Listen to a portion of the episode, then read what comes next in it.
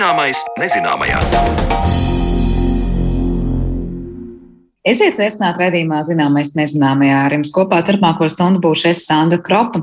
Zinātnieku darbu sabiedrībā aizvien apvīna mazums mītu, un viens no tiem, ka zinātnieka darbs ir nenogurdinošs un aizraujošs, Realtātē zinātnieka ikdiena paiet līdzīgos apstākļos kā citu profesiju pārstāvjiem. Arī pārslodze, konkurences radīta spriedze un mobbings ir zinātnieka ikdiena kolektīvos un trauksmes saucieni dzirdam arī Latvijā. Vai labāki darba dzīves apstākļi ļaut zinātniekiem Latvijā būt veiksmīgākiem un kas jāupurē, lai veidotu zinātnieku karjeru? Par to jau drīz runāsim sarunā studijā, bet līdz tam uzzināsim, kā mainījusies ārstu un pacientu saziņa Covid pandēmijas laikā. Sākoties Covid-19 pandēmijai, izmaiņas notika te visos līmeņos, tostarp arī ārstu un pacientu attiecībās. Hipokrāta zvēras saglabājās nemainīgs, taču ārsti ieguva jaunas lomas un pildīja jaunus uzdevumus. Kā pandēmijas laikā attālinātajās konsultācijās un stacionāros jutās paši mediķi, par šiem un citiem jautājumiem plašāk klausieties kolēģis Marijas Baltkalns veidotajā ierakstā. Covid-19 pandēmija nenoliedzami ir tas laiks, kad mediķi nonākuši prožektoru gaismā. Ne tikai ar ierasto ikdienas darbu, bet arī uzņemoties citas, iespējams, līdz šim mazāk veiktas funkcijas. Liela nozīme bijusi sabiedrības informēšanai un izglītošanai, it īpaši, ja runājam par aicinājumiem ievērot drošības pasākumus, dezinficēt rokas un vilkt sejas maskas. Atālinātā sarunā tiekos ar ārstu internistu Paula Stradiņa Kliniskās Universitātes slimnīcas nefroloģijas centrā un lektoru Rīgas Stradiņa Universitātes bioloģijas un mikrobioloģijas katedrā Kārli Rāceni. Ārstam vispirms jautāju, kā aicinājumi ievērot drošību ietekmējuši mediķu un pacientu attiecības, vai cilvēki tuvinājušies mediķiem un meklējuši informāciju, vai tieši otrādi novērsušies, nevēloties neko dzirdēt, stāsta Kārlis Rācenis. Nu, būtībā nav jau tas stāvoklis unikāls ar individuālu aizsardzības līdzekļu lietošanu. To jau mēs darām ikdienā. Tikai varbūt šajā brīdī tas akcents ir lielāks, jo tās slimības apkarošanā tam ir būtiska nu, tāda nozīme un loma. Jāsaka tā, ka tas viss mainās arī pandēmijai ejot uz priekšu, jo cilvēki, es domāju, ka vienkārši viņiem ir apnicis klausīties par to. Un šobrīd mēs varbūt aizējām tādā fazē, ka cilvēki sāk adaptēties pie tā, ka tā ir ikdiena. Ja tev no sākuma tas likās kā kaut kas viens nezināms, tu spēj koncentrēties un pateikt, jā, tā ir tāda ļoti svarīga lieta. Bet tad paiet laiks, un tas visu laiku saglabājas, un tad vienā brīdī ir līdz kaklam tā teikt. Un šobrīd es domāju, ka tas moments ir tāds, ka cilvēks sāk apzināties, ka tas tik ātri nebeigsies un būs ar to lietu jāsadzīvo ilgstoši. Un līdz ar to arī tā sadarbība ar pacientiem arī ir tāda pati. Jo sākotnēji viņi bija ļoti ar lielu izpratni pacientu vidū. Nu, mediķi tur ir varoņi un veic tik svarīgu darbu, un kur nu bez ārstiem un tā. Un tad nāca jau pārmetumi brīžiem, kad, lūk, kāpēc nav zāles izdomātas un tā. Un tad nāca arī tāds tā kā pesimisms, un nu, ko tad vispār mums var palīdzēt, neko jau īsti nevar palīdzēt. Un tagad es gribētu cerēt, ka mēs esam pāri tam trakākajam periodam, kur ir polarizēts sabiedrības viedoklis, kur ir sliktais un labais, ka mēs nākam atpakaļ. Nu, ja mēs kā, sākām visi kopā, gājām prom, un tagad mēs atkal lēnām, nu, es nedomāju, ka mēs satiksimies pašā vidū, bet virzamies uz to, un kad nonāksim pie kāda no kompromisiem tajā sabiedriskajā domā. Kārlis Rācenis norāda, ka cilvēku telefona zvani turpinās, It kā liekas, ka visiem viss ir zināms, bet brīdī, kad rodas personīga saskare ar covid-19 jautājumiem, tāpat vajadzība pēc ārsta padoma, vienkārša skaidrojuma un mierinājuma ir aktuāla. Nu, mūsu iedzīvotāji jau, um, tad, kad viņiem ir nopietnas veselības problēmas, viņi jau nepaliek mājās. Viņi jau sauc ātrā palīdzību. Nu, šodien pats ir Stradīnas slimnīcā ļoti daudz Covid-19 pacientu. Un, nu, tie nav, nav varbūt tie, kur ir izvēlējušies ievērot visus profilaktiskos ieteikumus, un, piemēram, arī vakcināciju nav veikuši. Un, protams, kad viņiem pasliktinās veselības stāvoklis, tad tu sāc patiešām ļoti labi saprast tās problēmas nopietnību, tu jau vērsies slimnīcā, jo tu jau uzticies tomēr kaut kādā mērā. Es domāju, ja cilvēki galīgi neuzticētos, nu, tad jau viņi vispār nedotos uz to veselības aprūpas iestādi un, un nemeklētu pēc palīdzības. Ārstu un pacientu attiecības tajā brīdī, kad mēs gandrīz vispār nekur nevarējām iet, ja, un arī ārstiem bija jāpārorientējas uz attālinātu konsultāciju sniegšanu, kas, es ticu, atsevišķās medicīnas nozarēs ir ļoti liels izaicinājums, ja mēs runājam par zobārstniecību vai kaut ko tādu. Kā paši ārsti jutās tajā brīdī? Par ārstu nevar strādāt cilvēks, kurš nemīl citus cilvēkus. Un ārstā galvenajam noteikumam ir jābūt vēlmei satikties ar cilvēku. Jo es tomēr kopumā domāju, ka nu, ārsts ir apmierināts un arī pacients ir apmierināts tajā brīdī, ja ir īsta satikšanās uz vietas. Jo tu redzi daudz, daudz vairāk. Tas, ko mēs varam redzēt ar ekrānu vai sazvanoties, tas, protams, ir daudz, bet tas nav viss. Bet te ir notikusi tāda lieta, kas mūsu valstī iepriekš nebija notikusi. Un šīs attālinātās vizītes, es domāju, ir uz palikšanu. Mēs viņas arī veicām vasarā. Jo redzat, Piemēram, atnāk pacients uz vizīti, un tu viņu redzi, tu ar viņu izrunājies, un tā tālāk, viss ir skaidrs. Bet tev pietrūks kaut kāda nu, viena neliela lieta. Nu, pieņemsim, es nezinu, tu gribi uztaisīt kādu vienu analīzi vai ko. Agrāk bija tā, ka nu, tad ārsts uz savu tādu uh, labdarības principu, tad pēc tam pieraksta kaut kur uz lapiņas, ka viņam ir jāpaskatās analīžu rezultāts. Pēc tam jāpamaina nedaudz slēdziens atkarībā no analīžu rezultātu. Jāzvana pacientam, jāsaka, es tev atstāšu jauno slēdzienu poliklinikā, tu kaut kad ienāc pakaļ. Nu, var sakot, tas ir sarežģīti. Ja? Tad tagad ir tā, ka tur var taisīt attālināto vizīti. Un to ar to cilvēku uzreiz var izrunāt. Tev ir oficiāli tas noformēts, tev ir oficiāli jauns slēdziens, tev ir oficiāla kārtība, kā tu to slēdzienu pēc tam pacientam arī vari nodot. Un, protams, ir arī tās situācijas, kad um, nu, pacients nevar atnākt uz slimnīcu. Tad tajā brīdī nevienmēr viņam uh, vajag uh, obligāti nākt pie ārsta. Ja viņš man ir zināms, piemēram, piecus gadus, mēs ļoti daudz ko varam izrunāt telefoniski. Jo tie cilvēki, protams, arī tie, kas ir hroniski pacienti, nu, viņiem ir mans telefons, un viņi zvana arī brīvdienās un raksta nu, ārsta mūžs jau tāds arī ir, nu, ka tu jau darbu savu nebeidz izējot no slimnīcas vai savas poliklīnikas, tev jau raksta zvana visu laiku. Un uh, tas īstenībā ir arī līdzīgi citās situācijās. Piemēram, neirologiem, protams, ka pirmreizēja vizīti nu, nevar taisīt attālināt. Tāpat tās ir arī mums, kā nefrologiem, arī mēs to nevaram darīt attālināt, jo pirmreizēja vizīte tomēr ir ļoti grūta attēlināt. Bet, ja tā ir atkārtot, protams, tas ir veicams. Bet, nu, protams, ka nav tā, ka ārsta ikdiena tas ļoti atvieglo, jo tāpat mums dokumentācija saglabājas tieši tāda pati. Un to, ko mēs dzīvē izrunājam acis pret aci, nu, telefoniski ir daudz grūtāk izrunāt. Īpaši gados vecākiem pacientiem, no kuriem ir daudzas kroniskas slimības, tu sāc tur prasīt, kādas zāles jūs lietojat. Un iedomājieties, viņš lieto desmit medikamentus, tad viņš lasa visus nosaukumus, un tie ir firma nosaukumi. Un tad, ja tu nezini visus tos firmu nosaukumus, jo tev tāda paciņa nav uz rokas, ja, tad tajā gadījumā tu pats vai nu spied internetā Google lapu un drukā iekšā un skaties, kāds ir zāļu, oficiālais nosaukums ir šis starptautiskais, kas tas pa medikamentu īstenībā ir, vai prasi, lai tas cilvēks mēģina apskatīties to mazo uzrakstiņu, kas ir zem tā firmas nosaukuma. Bet, redz, te ir arī vēl viena tāda problēma, kas šobrīd aktualizēs ļoti daudz šajos jautājumos, ir e-veselība. Ja? Jeb digitālā medicīna, kuras no nu, trūkumu mēs ļoti izjūtam. Ja, jo šādām lietām kā zāles, ko pacients lieto, nu, viņām vajadzētu būt elektroniski. Tas prasa ļoti daudz laika, lai mēs vispār noskaidrotu un saprastu. Un, piemēram, bieži vien cilvēki atnāk uz īpaši pirmreizējām vizītēm. Ir ļoti svarīgi zināt, kādus medikamentus viņi lieto. Labi pacienti ir tie, kuriem ir lapiņa vai kaut vai tās tabletes līdzi. Tad viņi var izstāstīt. Jo tas jau ārstam arī nedara, ka viņš parāda, nu šī ir tāda maza balta, šī ir rozīga tabletīte. Nu, mēs jau arī nezinām, jo vienam medikamentam var būt 6, 7 firmas, un tās tabletes jau atšķirās savā starpā.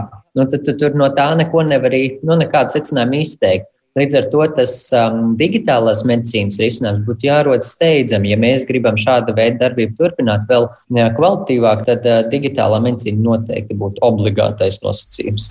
Bet nu esam nonākuši pie mediķu darba stacionārā. Covid-19 pandēmija apliecināja, ka mediķi vienlaikus saviem ikdienas darbiem nodrošināja pacientiem video zvanus ar tuviniekiem, sniedza psihoemocionālo atbalstu un veica citas funkcijas.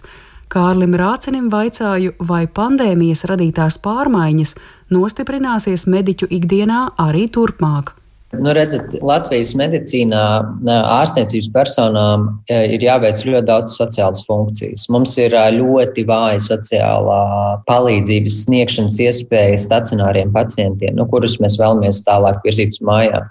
Es kā ārsts esmu meklējis pansionātā vietu, cilvēkam zvanījies un organizējis, sazvanījies ar vadītājiem, lai gan man, mans amats to neprasa. Bet es zinu, kāds izmisums tas ir tiem tuviniekiem, mm, ka tu nevari, nevari šādu jautājumu atrisināt. Un tad līdz ar to tas mūsu ikdienā jau bija pirms tam, bet šobrīd, protams, tas bija ļoti stipri vērojams. Un jāsaka tā, ka tas ir arī saglabājies. Un, piemēram, šobrīd arī mm, nodaļā, nu, es strādāju nefroloģijas nodaļā, kur ir ļoti daudz cilvēku ar novājinātu imunitāti. Tas princips ir saglabājies. Vēl projām mēs veicam, nu, man bija pacients no Vēnspils, kurš atradās pie mums ļoti ilgi. Viņam bija smags veselības stāvoklis, viņš bija gados vecāks. Un uh, sieva viņu ļoti gribēja redzēt, viņa 50 gadus precējušies. Nu, tas viss ir saprotams, ka nu, gribās savu mīļo cilvēku satikt un nu, kaut vai ieraudzīt un parunāt dažus vārdus. Tad mēs organizējam arī šos video zvanus, sarunājam konkrētu laiku, kad, nu, lai, lai ir kaut kāda teiksim, sadarbība. Bet tas, kas varbūt bija ļoti smagi, bija šie zvani, telefona zvani, jo nu, telefons zvanīja nemitīgi. Nu, vienu tādu, nu, kādus 30, 40% mēs pavadījām vienkārši atbildot uz telefonu zvaniem. Nu, grūtāk, protams, iet ar tiem, kuri ir noliedzēji slimības, kuri noliedz, ka šis covid eksistē un ka viņam nevar būt, un ko jūs tur spēr darat, un tā, un reizēm pat tādi, es ceros, tas smags gadījums bija kad sieva pieprasīja vīru, lai raksta mājās, un viņam nav jāatrodas, un viņam nekāds covid neeksistē, ko jūs tur gribat. Bet jūs redzat to otru cilvēku, kurš nav spējīgs pieņemt lēmumus, viņam ir ļoti smags veselības stāvoklis. Mēs viņu nekur nevaram izrakstīt uz kādām mājām, tad mēs viņu izrakstam uz ielas, lai viņš nomirst. Un uh, tad šie ir tie jautājumi, kas ļoti padarīja to darba ikdienu ļoti smagu veicināja arī iztekšanu lielā mērā, jo tās sarunas arī daudzas ir emocionālas, un tie emocionālie stāsti ir jāuzņem ārstam uz sevi psiholoģiski. Par nāvi jau arī jāzvana. Nu, ja letalitāte ir ap 20%, tad tas nozīmē, ka zvana katru dienu. Nu, viņš tad zvana, un jūs domājat, ka mums ir tā ļoti viegli pateikt, zinot, jūs piedarīgais nomira. Mēs apsēžamies, padomājam, ko mēs teiksim, kā mēs teiksim, kā mēs runāsim, ko mēs stāstīsim, kas mums būs pretī kāda būs reakcija un kā tā saruna tālāk virzīsies un ko mums tālāk izstāstīt. Tas, protams, viss psihoemocionāli bija ļoti grūti un ir ar savu iespēju. Šādos smagos gadījumos, kad runa ir par tuvinieka veselības stāvokļa pasliktināšanos vai nāvi, mediķa loma joprojām būs ļoti svarīga. Vienlaikus Kārlis Rācenis norāda, situācijās, kad pacients var pats sazināties ar saviem tuviniekiem, viņam arī būtu jābūt tam, kurš tuviniekiem sniegtu primāro informāciju par savu veselības stāvokli un lēmumus par ārstēšanos, nevis pārstāstošā veidā to vēlreiz darītu mediķis. Visbeidzot, nesen līdzdalības platformā Mana balss.lv tika ierosināta iniciatīva, lai neattaisnoti pret covid-19 nevakcinētie cilvēki ārstēšanās izdevumus sektu paši. Nevēlēšanās vakcinēties gan nemainīs ārstu attieksmi pret pacientiem, taču ir citi nozīmīgi jautājumi, par kuriem šāda iniciatīva liek domāt. Šeit tas ir pilnīgi saprotams un savā ziņā arī atbalstāms diskusijas uzsākšanas veids, jo visu laiku mums pastāv lielākoties šī diskusija par to, ka mēs ierobežojam kaut kādā veidā to cilvēku tiesības, kuri nav vakcinēti. Bet redzat, mēs negribam paskatīties no otras puses. Vai būtībā, ja valsts īstenībā mums apmaksā vakcināciju, tas ir milzu ieguldījums, kuru mēs neizmantojam. Savukārt mēs pēc tam, nokļūstot slimnīcā, finansējumu izmantojam daudz lielākā mērā ārstējot šos pacientus. Viena pacienta ārstēšana būs simtiem reižu lielāka nekā vienas vakcīnas izmaksas. Un, uh, tas, man liekas, ir labi, ka šāda diskusija tiek vērsta, jo tas liek domāt tiem cilvēkiem, kuri atrodas pa vidu. Jo viņi sāk domāt, no vienas puses ir tas, bet ir arī šis aspekts. Tātad, uz kuru pusi man vairāk nosvērties. Otra lieta, runājot par šo iniciatīvu, šī iniciatīva jau nerunā par to, ka uh, cilvēkam ir jāmaksā par savu ārstēšanu pilnā apjomā. Šī iniciatīva runā par pacientu līdzmaksājumu. Mums likumdošana šobrīd nosaka, ka uh, ir pacientu grupas, kurām nav līdzmaksājumi. Tie ir reģistrējumu infekciju pacienti, tajā skaitā arī COVID-19. Ja cilvēkam ir COVID-19, viņam nav nekāds līdzmaksājums. Bet Tagad paskatīsimies uz citu grupu - onkoloģiskie pacienti. Viņiem ir samazināts līdzmaksājums, bet viņiem ir līdzmaksājums. Onkoloģiskais pacients maksā tik un tā nokļūstot ar savu kronisko slimību stacionārā. Līdz ar to tas rada šo diskusiju. Kāpēc, piemēram, cilvēks, kurš absolūti nav vainīgs pie savas slimības attīstības, piemēram, onkoloģiskas slimības attīstības, viņam ir līdzmaksājums, bet cilvēks, kurš nav vakcinējies, viņam šī līdzmaksājuma nav. Nu, tad, um, Tas, manuprāt, ir tas, kas ir pacēlis šo iniciatīvu un diskusiju. Es, protams, neatbalstītu to, ka ir jāmaksā par savu ārstēšanos neatkarīgi no tā, vai viņš ir vakcinēts vai nav vakcinēts bet es drīzāk atbalstītu šīs diskusijas attīstību. Pozitīvais varbūt aspekts tiem lieliem skaitļiem un lieliem hospitalizēto skaitam, bet tā ir nežēlīga maksa, ko mēs tagad maksājam un maksāsim šajā rudenī un ziemā. Tas, ka tos varbūt, kuri nav pārliecināti, kaut kādā mērā vismaz pārliecinās, ka tas tā ir, ka tā ir īsta infekcija, ka tas ir nopietni, ka tā ir problēma un ka vakcinācija ir galvenais veids, kā pasargāties no tās infekcijas. Par ārstu un pacientu savstarpējām attiecībām Covid-19 pandēmijas iespējā stāstīja ārsts internists Pauls Stradiņa Kliniskās Universitātes slimnīcas nefroloģijas centrā un lektors Rīgas Stradiņa Universitātes bioloģijas un mikrobioloģijas katedrā Kārlis Rācenis. Ar viņu attālināt sarunājās Mariona Baltkalna. Bet raidījuma turpinājumā pievēršamies zinātnes kultūrai un tās problēmām Latvijā un citviet pasaulē.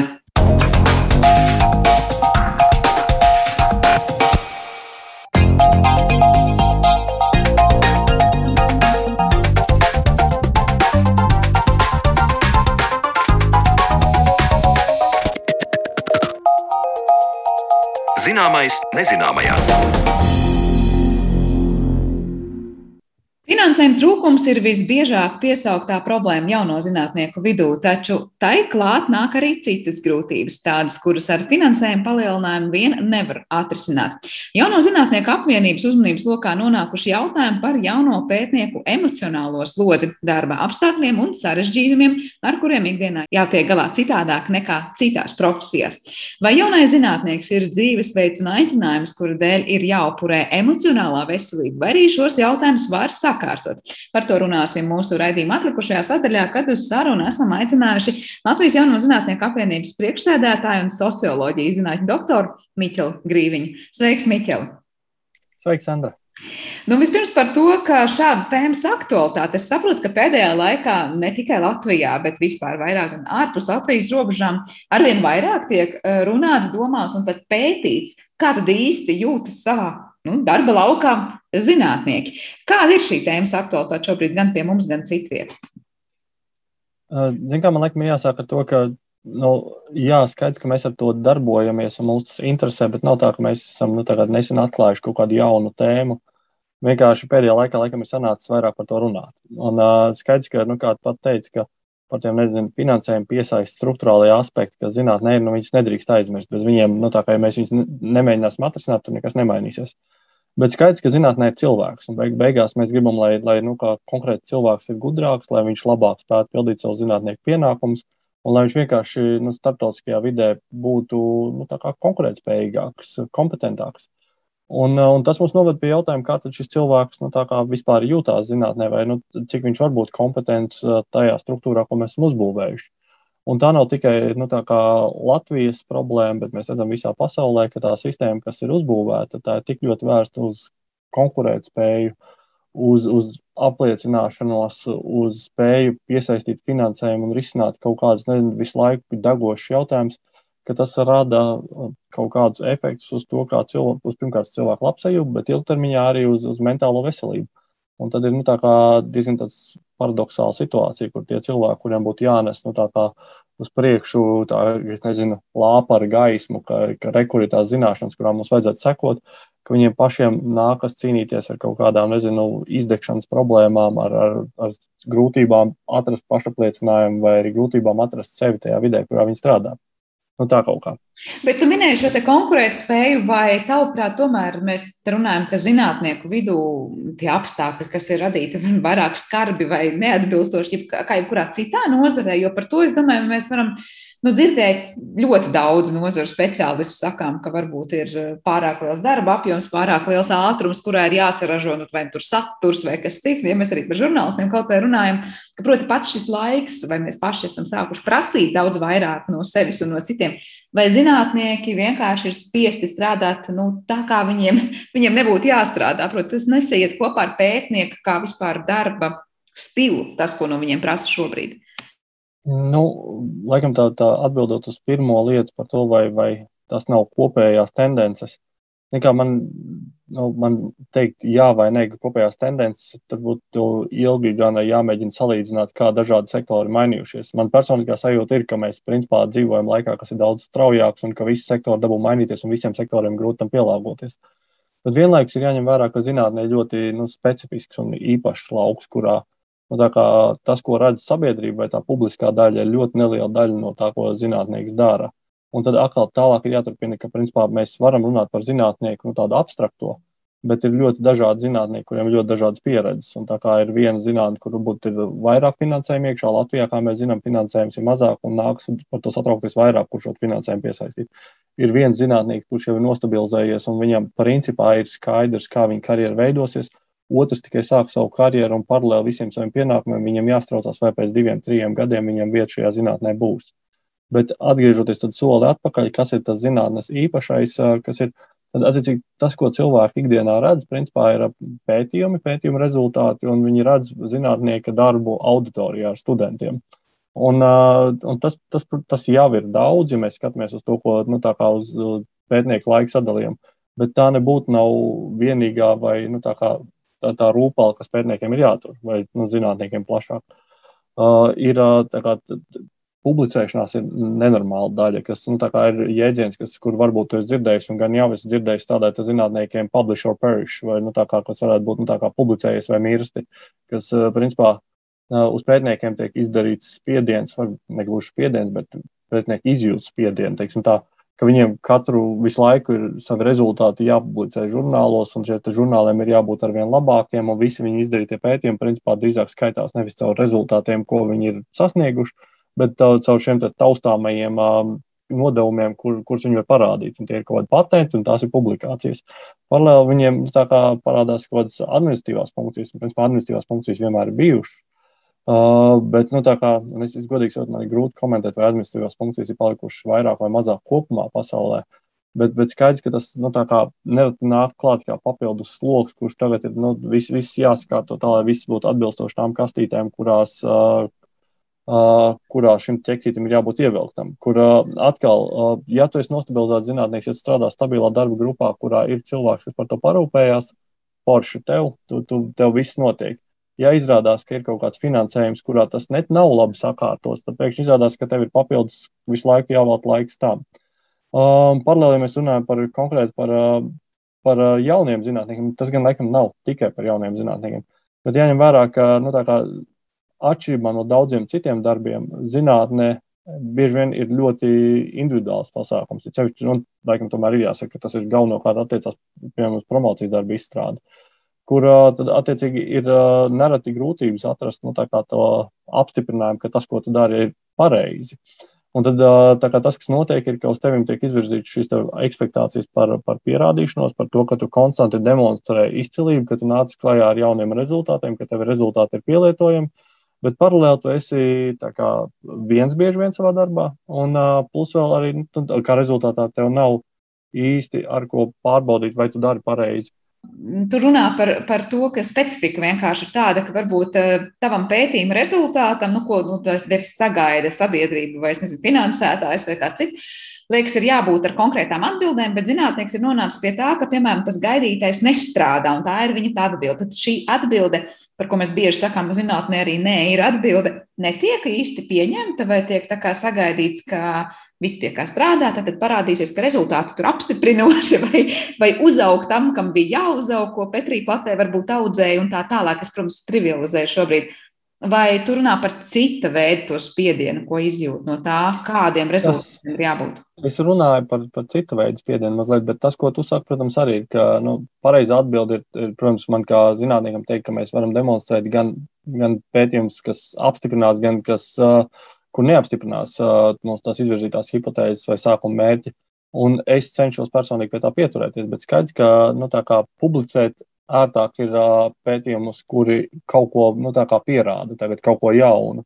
Un, attiecīgi, tas spiediens atklāt jaunu un nu, nedarboties ar lietām, kuras, kuras patiesībā ir nu, apgājušas hipotēzi, tāds neapšaubām ir. No otras puses, tas, par ko es runāju, ir tas, ka nu, kamēr mēs darbojamies ar pētījumu lauku, kurā, piemēram, mēs nu, pētām es nezinu, savvaļas produktu ietekmes kopienām, vai arī tagad kādā veidā kombinēt savvaļas produktus ar mazo saimniecību dzīvotspēju, lai veidotu jaunus ekoloģiskus principus, kā, kā, principā, kā saimniecības var darboties mazāk kaitīgi vidē. Bet tas nav tas, ko no manis sagaida atskaitoties. No manis atskaitoties sagaida rakstus, vairākus rakstus, vai nu, ļoti konkrēts nodevums, kurus var pārbaudīt uh, lais, kurš, kurš nav iniciēts zinātnē, kur nu, skaļi uh, zinātnīs kvantifikācija kaut kādā mērā.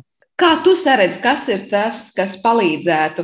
Tās ir lielākas darba grupas, kurās ir atsevišķs cilvēks, kas noved to konkrēto rezultātu līdz publikācijai, un, un, un var teikt, pats zinātnieks nav tik ļoti iesaistīts visā tajā procesā, proti, notiek tāda vairāk tā darba dalīšana, vai kāds ir tas nu, vēlamais rezultāts? Zin, kā, tā, tā problēma, kā es to saskatu, un kā man liekas, gana daudz to saskatu, ir tas, ka ir ļoti grūti novilkt uh, līniju starp kvantitīviem un kvalitīviem atskaitīšanās rādītājiem. Un ir ļoti neliela cilvēku daļa, kas var uh, objektīvi izvērtēt uh, kvalitāti. Un rezultātā principā mēs gandrīz vienmēr nonākam līdz tam, ka, ka tiek vērtēta kvantitāte. Kas noved pie tā, ka mēs pat, nu, tā kā, ka, ka jautājums par to, ka jāpublicējās ir daudz. Un, manuprāt, nu, kā, es atkal domāju, ka vairums cilvēku piekrist, ka, ka problēma jau nav tajā, ka no zinātniekiem prasa publicēšanos. Es domāju, ka tā ir ļoti normāla lieta, ka zinātnieks nes savus rezultātus akadēmiskajā kopienā, un jo plašākā viņš aiznes, jo labāk ir. Problēma sākās tajā brīdī, kad tas kļūst par pašmērķi. Jo tajā brīdī izrādās, ka tev viens pētījums ir, ir jāsagriež ļoti šaurās daļiņās un jāmēģina tas izvērst par ļoti dažādu nezinu, žurnālu spektru, lai tikai panāktu, ka tu beigās izskaties labāk. Problēma sākās tajā brīdī, kad finansējums tiek piesaistīts tikai šim te, nu, rādītājam par, par, par nodotajām publikācijām. Tātad es nedomāju, ka tā ir, nu, tā kā, ja mēs skatāmies uz uh, nostabilizētiem zinātniekiem, šis te, nu, ritms, kas nāk no, no spiediena iegūt šos kvantitīvos rādītājus, visticamāk, tas ir viens no, no iemesliem, kāpēc cilvēki nu, kā izjūt emocionālu stresu un uh, uh, izjūt problēmas strādājot savā jomā. Savukārt, ja skatāmies uz jauniem zinātniekiem, tad tur nāk klāt vēl vesela paudze citas lietas, kur tas nav tikai par, par publicēšanos, bet tas ir par to, ka nereti tas ir jāatklāj, kā to darīt ja tev ir pasniedzējs, kas to māca darīt, tad ir forši. Tev, tev, nu, kā, un, protams, daudz varētu teikt, ka tev vajag laicīgi atrast pasniedzēju, kas to māca darīt. No otras puses, ja tu sāc studēt pēc uh, maģistratūras, tu pat vari paņemt pa vidu laiku brīvu, tu vari sākt strādāt institūtā un tad nonākt doktorantūrā. Bet pat tad tev visticamāk nebūs pilnīgs priekšstats pēc tā, pēc kādiem kritērijiem tev būtu jāizvērtē tas savs potenciālais vadītājs. Un, attiecīgi, tu nonāc uh, komandā, kur tev tagad pēkšņi ir virkne dažādu pienākumu, kas ir jāveic. Un ir ļoti jauki, ka tagad vismaz ir internetā un ir atbalsta grupas, kas var palīdzēt. Bet uh, pat ar tām tu nonāc uh, vidē, kur pēkšņi no tevis tiek prasīts ļoti plašs dažādu pienākumu klāsts, kas nav tikai šis pētīt un mācīt, kas ir no tā kā. Jā. Es domāju, ka neviens zinātnēks piekritīs šo dzirdot, un varbūt tie, kas zinātniekus ir redzējuši arī ārpus darba, varbūt stundām vai kā citādi zina, ka mm, tas, kā vadīt pat projektus, vai, vai varbūt tiešām būt par tiem projektu vadītājiem, arī ir, var teikt, vēl viens pienākums, kas ir uzlikts uz nevienu zinātnieku pleciem, lai, lai atskaitītos, lai organizētu un lai izdarītu to. Bet tu pieminēji ne vēl to akadēmisko vidi, un ka uh, publicēties tas ir viens, bet otrs par šo te. Savu zināšanu nodošanu citiem, nu, mācot vai pasniedzot lietas. Kā tas ir no vienas puses liktos, tas ir ļoti loģiski un ļoti normāli, ka tas, kurš kaut ko ir izpētījis un praktiski darbojies, iet un par to pastāst arī akadēmiski citiem. Bet no otras puses, pati runājot ar zinātniekiem, bieži esmu sapratusi, ka ir zinātnieki, kuriem liekas, eh, visu laiku būtu jāpavada laboratorijā vai kur citur. Viņi ir lieliski pētnieki un eksperimentatori un kā citādi skaitītāji vai svērēji. Bet uh, ir cilvēki, kuriem nu, galīgi varbūt nepadodas, un viņiem nav viņu komforta zona, iet stāstīt cilvēkiem auditorijas priekšā kaut ko mācīt. Tā ir mazliet tā kā viena cita specifika, ko no šiem cilvēkiem prasa. Kāds ir tavs viedoklis? Vai katram zinātniekam ir jābūt arī par pasniedzēju augstskolā? Kā, es, es pieņemu, ka tas drīzāk ir atkarīgs no nevis no katra zinātnieka, bet no institūcijas, kurās viņš ir nonācis stratēģijas, un ka tā ir nu, tā diskusija starp zinātnieku un šo institūciju. Uh, manā skatījumā, pat tad, ja tu, nu, tas ir privāts skatījums, pat tad, ja tev nepatīk mācīt, ja tu esi zinātnieks, tad tā ir daļa no tavas zinātniskās dzīves, nodot zināšanas tālāk. Un ne tikai akadēmiskajai kopienai, bet principā sabiedrībai plašāk un arī studentiem. Attiecīgi, man, man liekas, ka zinātnīs komunikācija plašāk, ne tikai mācīšana, ir daļa no, student, no zinātnieka ikdienas. Bet atkal, tā, manuprāt, tas beig, beigās ir vienošanās starp, starp katru konkrēto institūciju un pētnieku. Ja, protams, ir dzirdēti daudz tie stāsti, ka kāds nejūtās galīgi labi mācot, kāds nejūtās labi uh, savukārt daudz pētot. Vienlaiks tā papildus, ja varētu piebilst, manuprāt, ja tas ir, nu, ja tas tiek sabalansēts, un uz, uz to šķiet arī viss virzās, ka būtu jāsabalansē šī mācīšana un pētīšana, tad visticamāk pat tiem, kas nepatīk, tas kļūst gana simpātiski, ja tev nav nu, visu dienu jāpavada auditorijā nepatīk, tas ir viens aspekts, bet ko darīt, ja nesanāk? Nu, cilvēkiem tiešām līdzīgi kā skolotāji. Nu, ir tādi, kas var kādam iemācīt, un ir cilvēki, kas var ļoti labi saprast savu lietu un būt jomas profesionāli, bet viņi nu, neprot citiem iemācīt lietas. Kā ar šo aspektu? Ka varbūt no vienā brīdī mēs zinām, ka studentiem tiek piedāvāts jomas lielisks eksperts, bet viņš nemāks kā īsti un saprotami un ieinteresējoši pasniegt šo informāciju viņiem. Jā, jā nu, nu, tā var gadīties. Un atkal man liekas, ka nav konkrēta atbilde vienlaikus domājot par mūsdienu pedagoģiskajām tehnoloģijām, par ieteikumiem. Ka principā jau nu, tiem, kam sanāk dabīgi, man liekas, ka viņiem sanāk un viņi ļoti brīvi lasa lekcijas un runā ar studentiem. Tiem, kam nesanāk, tiem ir virkne materiāli pieejami, kurus izmantojot, var visticamāk to padarīt tā, lai tas nu, tā kaut vai minimāli sanāktu. Bet atkal man liekas, ka nu, tas visticamāk ir no institūcijas līmenī, tad tā ir diskusija par to, vai to vajag spīdzināt cilvēku, kuram nesanāk. Jā, nu te ir tas droši vien arī viens no aspektiem, ar kuriem visu laiku zinātniekiem ir sevi jāsadzīvo, ka no vienas puses tev ir jāmāca, bet no otras puses tev ir arī jāpēt lietas. Um, ir viens pētījums, par kurus noteikti gribētu tevi parunāt sīkāk, um, aizvadītā gadā, gadā klajā nāca pētījums par emocionālo labsajūtu pētnieku vidū visā pasaulē. Tur, nu, līdzīgi kā tu jau teici par šo stresu, to vidi, cilvēki ir atzinuši divas trešdaļas, ir atzinuši, ka ikdienas darbs paiet stresēnā vidē, bet kas ir interesanti, tur bieži viņi sastopoties arī ar mobbingu. Cik lielā mērā mobbings ir izplatīta problēma pašu zinātnieku vidū? Akal, uh, nē, laikam ne akal, bet tas, man, ar ko man jāsāk, ir, ka man īsti dati par to kvantīvu nav.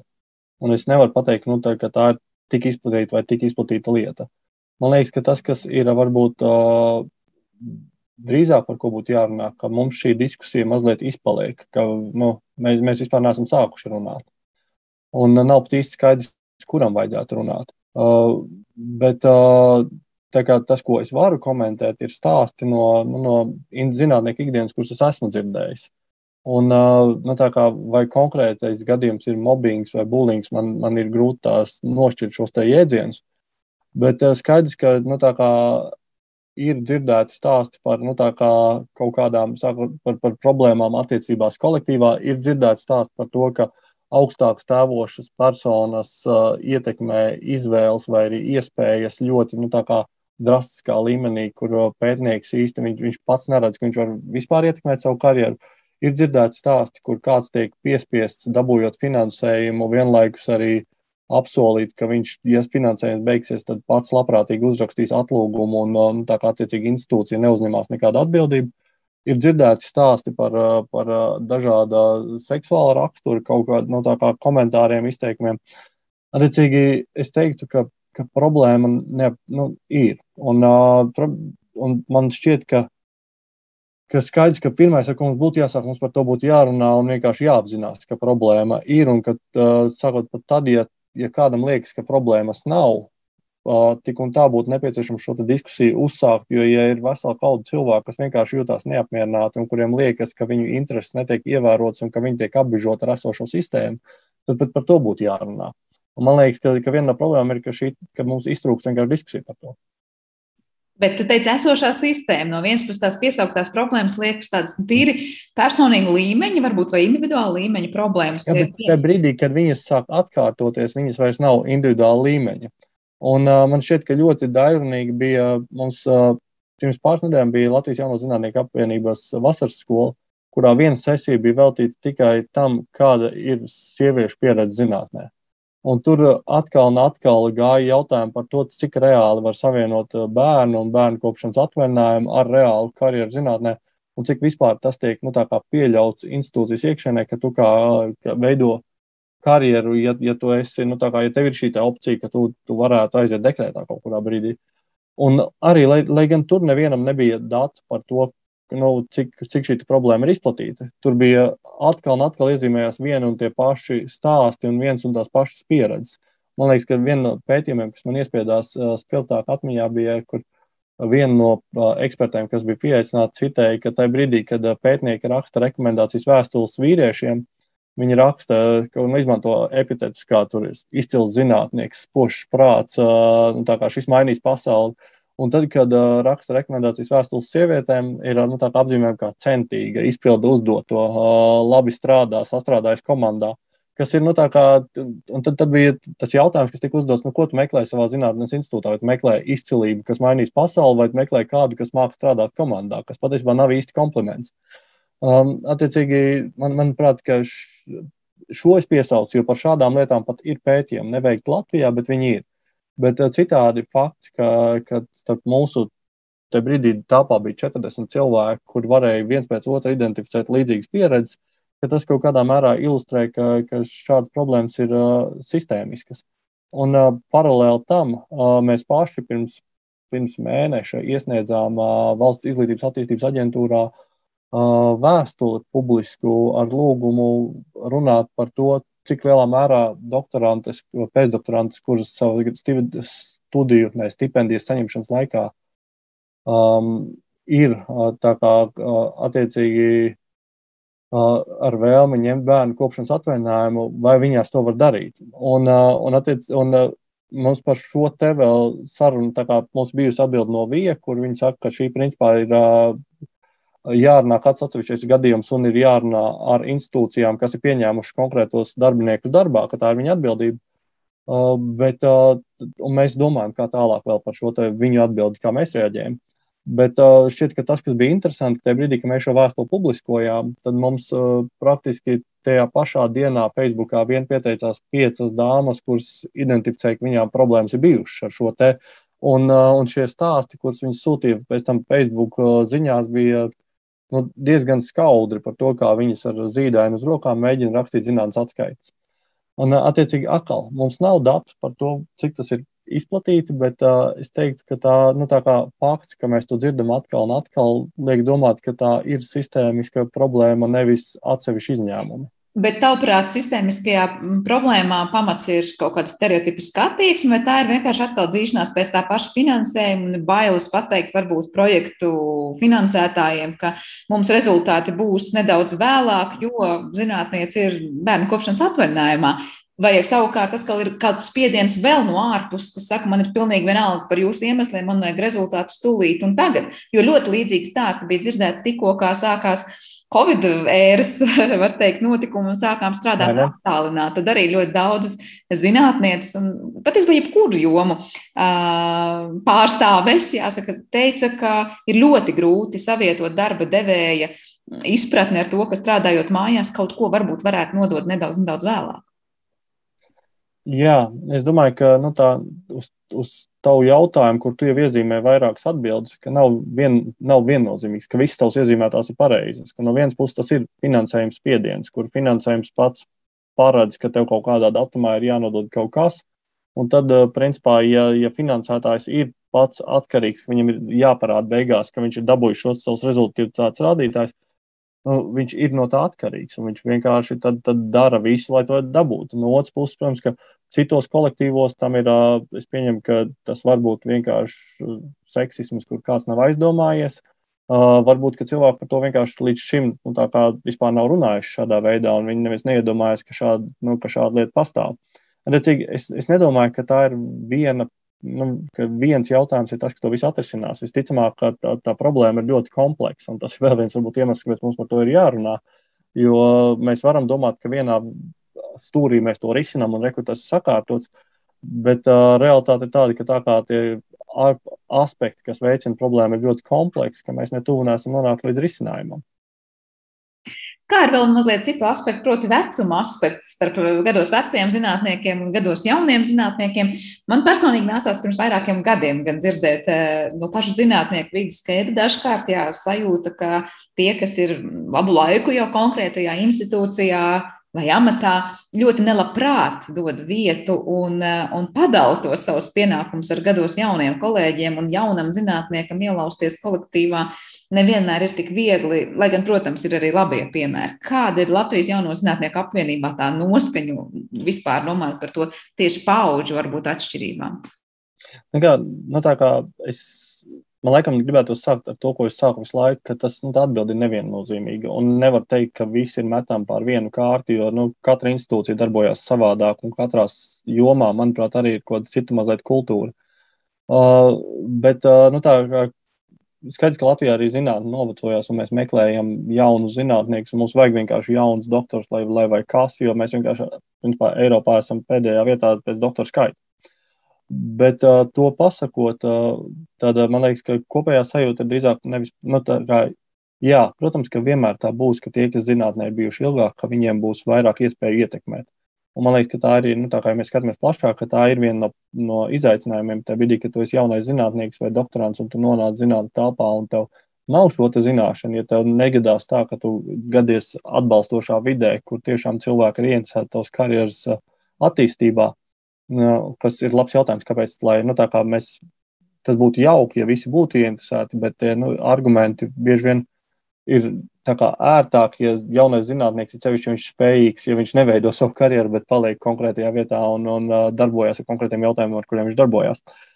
Uh, bet, attiecīgi, jaunais zinātnieks, viņš, viņš ir spiests atklāt visu pats, un, uh, ja sistēma nav līdz galam caurspīdīga, tad, tad viņam var būt ļoti grūti atklāt, viņam var būt ļoti grūti kaut ko ietekmēt, viņš nereti ir nu, vecāko kolēģu labvēlības kaut kādā tādā pavadā. To pasakot, šobrīd ir Izglītības un zinātnes ministrijas strādā pie jaunā karjeras modeļa, kas man liekas ir labs solis uz priekšu, jo principā tas paredz kaut kādu caurspīdīgumu, kādā veidā tā karjera veidojās. Tas neatrisinās visas lietas, jo, bet principā ka, ka ja mēs panāktu, ka tā sistēma ir caurspīdīgāka, tad tas atrisinātu daudzas lietas. Un te var arī uzteikt Latvijas zinātņu padomes fundamentālu lietu pētījumu programmu, kas principā arī ir absolūti atvērti, apbalvo izcilīgi. Un tiklīdz noteikumi ir, ir visiem zinām, visiem ir vienādi, un tā kā tajā brīdī, manuprāt, ir kāda diskusija par to, ka kāds tiek diskriminēts, atkrīt. Tā, tā problēma ir tāda, ka vienkārši viss, kas līdz šim ir bijis pelēcīgs, ka tas vienkārši jādabū gaismā un jāpadara pēc iespējas caurspīdīgāks. Un tad jau problēmas vismaz šādā aspektā pašas atkritīs, cerams. Tad kāds būtu tavs vērtējums tam, nu, kuros virzienos, kas būtu jāsāk darīt tuvākajā nākotnē, lai, lai gan sistēmiski, gan tīri individuāli šo situāciju uzlabotu? Vairāk kārt pieminēja diskusiju, protams, es tad vairāk par to runāt sabiedrībā un stāstīt, ka tā vispār notiek. Es nezinu, ļaut sajusties tiem cilvēkiem, varbūt, kuriem ir grūti šobrīd, kā jūs neesat nesadzirdēti, vai tā ir pilnīgi kaut kāda cita ierosinājuma, kā organizēt zinātnes komunikāciju, piesaistot, piemēram, cilvēkus, kas atslogos zinātniekus no tās publicēšanās, kā saka, nu, tīri tehniskajām lietām, kas jānovad līdz galam un to pašu projektu administrēšanu, vai tu saredz daudz lielākas izmaiņas vispār pašā veidā un modelī, kā zinātne tiek finansēta un no kā ir atkarīga? Ziniet, kā man liekas, ka nu, atkal atbildēt, diskusija, protams, vienmēr ir laba. Un diskusija, vis, nu, principā tā ir atbilde, kas visam strādā. Man liekas, lai cik bezzubaini šī atbilde būtu, tā kā diskutēsim vairāk, ka bez tā mēs neiztiksim. Bet skaidrs, ka mēs neiztiksim arī neieviešot kaut kādas plašākas pārmaiņas. Man liekas, ka jā, pirmais virziens, kurā mums būtu jāvirzās, ir, un tas ir mans viedoklis šajā brīdī, ka nu, pārskatīt, kā salāgot šos kvantitīvos un kvalitīvos rādītājus. Un daļai vismaz manā skatījumā problēma ar šo grūtībām salāgot ir tajā, ka mēs esam ļoti mazs tirgus un tādēļ mēs nevaram uzturēt nu, kaut kādas neatkarīgas vērtētājas, kuri skatītos uz zinātnes kvalitāti, nevis, nevis nu, vienkārši pēc kvantitīviem aspektiem paļautos, ka šis ir labi vai šis nav labi. Uh, otra lieta, manuprāt, kas uh, būtu mums jāņem vērā, ir, uh, ka, ka nu, kurš var izvērtēt kaut kādus um, ētikas uh, vai, vai vispār nu, šādu morālu aspektu uh, elementus, tad brīdī, ka viņi notiek zinātnē. Un nereti šobrīd ir tā, ka, nu, ka ja mums ir ētikas komisija, ka viņi ir tajā pašā tajā pašā vietā, kur šis not, pārkāpums varbūt ir noticis. Un, un atkal un šie paši cilvēki, kas ir cieši iesaistīti, kas kopā ir pelna naudu un ir atkarīgi no vieniem un tiem pašiem projektiem, viņi ir arī tie, kas vērtē, vai kaut kas ir noticis vai nav noticis. Un tad jautājums, vai mēs varam ieviest ļoti skaidri funkcionējošu, neatkarīgu organizāciju, kura, kura būtu saistoša visām institūcijām un būtu nu, tā kā kur visi būtu spiest ieklausīties, kur tad šie apbežotie cilvēki, un tas neizklausās briesmīgi labi. Būtu, būtu nepieciešams radīt kaut kādu neatkarīgu organizāciju, kas varētu to cik ne cik sakot līdzi šādiem pārkāpumiem vai, vai šādām problēmām, kur cilvēki varētu sūdzēties, ja viņiem kaut kas notiek. Un, uh, lai arī man nav īsti skaidrs, kurš to varētu darīt, man šobrīd liekas, ka nu, tāds reālākais kandidāts varētu būt Latvijas Zinātņu padome, kuriem ir principā finansējums sadalot fundamentālu lietu šo pētījumu programmu ja viņi vairāk skatītos varbūt līdz ētikas aspektiem, tad, tad ir iespēja, ka visi būtu spiest ieklausīties, jo visi caur turien dabū grantus sev. Bet tas, protams, šobrīd ir vairāk tā kā skaļi domājot, nevis jau sniedzot konkrētu atbildi. Bet tas ir ļoti skaidrs, ka ir nepieciešama neatkarīga kaut kāda uh, arbitrs, kas var šādas problēmas risināt. Skaidrs. Nu, paldies tev par gan problēmas ieskicējumu un izklāstu, gan arī to, kādi varētu būt tie pirmie soļi, lai to varētu vairāk risināt. Un eh, skaidrs ir viens, ka es domāju, nevienam vien mūsu klausītājiem šodien varbūt bija jaunums dzirdēt eh, to, ar kādām patiesībā ļoti, ļoti niansētām problēmām saskars gan gados jauni zinātnieki, gan netik gados jauni zinātnieki Latvijā un arī citās valstīs. Paldies par sarunu, un es atgādināšu klausītājiem, ka šajā pusstundā bijām kopā ar Latvijas Jauno zinātnieku apvienības priekšsēdētāju un socioloģijas zinātņu doktoru Miķelu Grīviņu. Ar to arī raidījums ir izskanējis, un par to parūpējās producenta Paula Gulbinska. Par mūziku šai stundai gādāja Girs Bišs, bet mums kopā bija Sandra Kropa. Mēs tiekamies atkal rīt. Visu labu!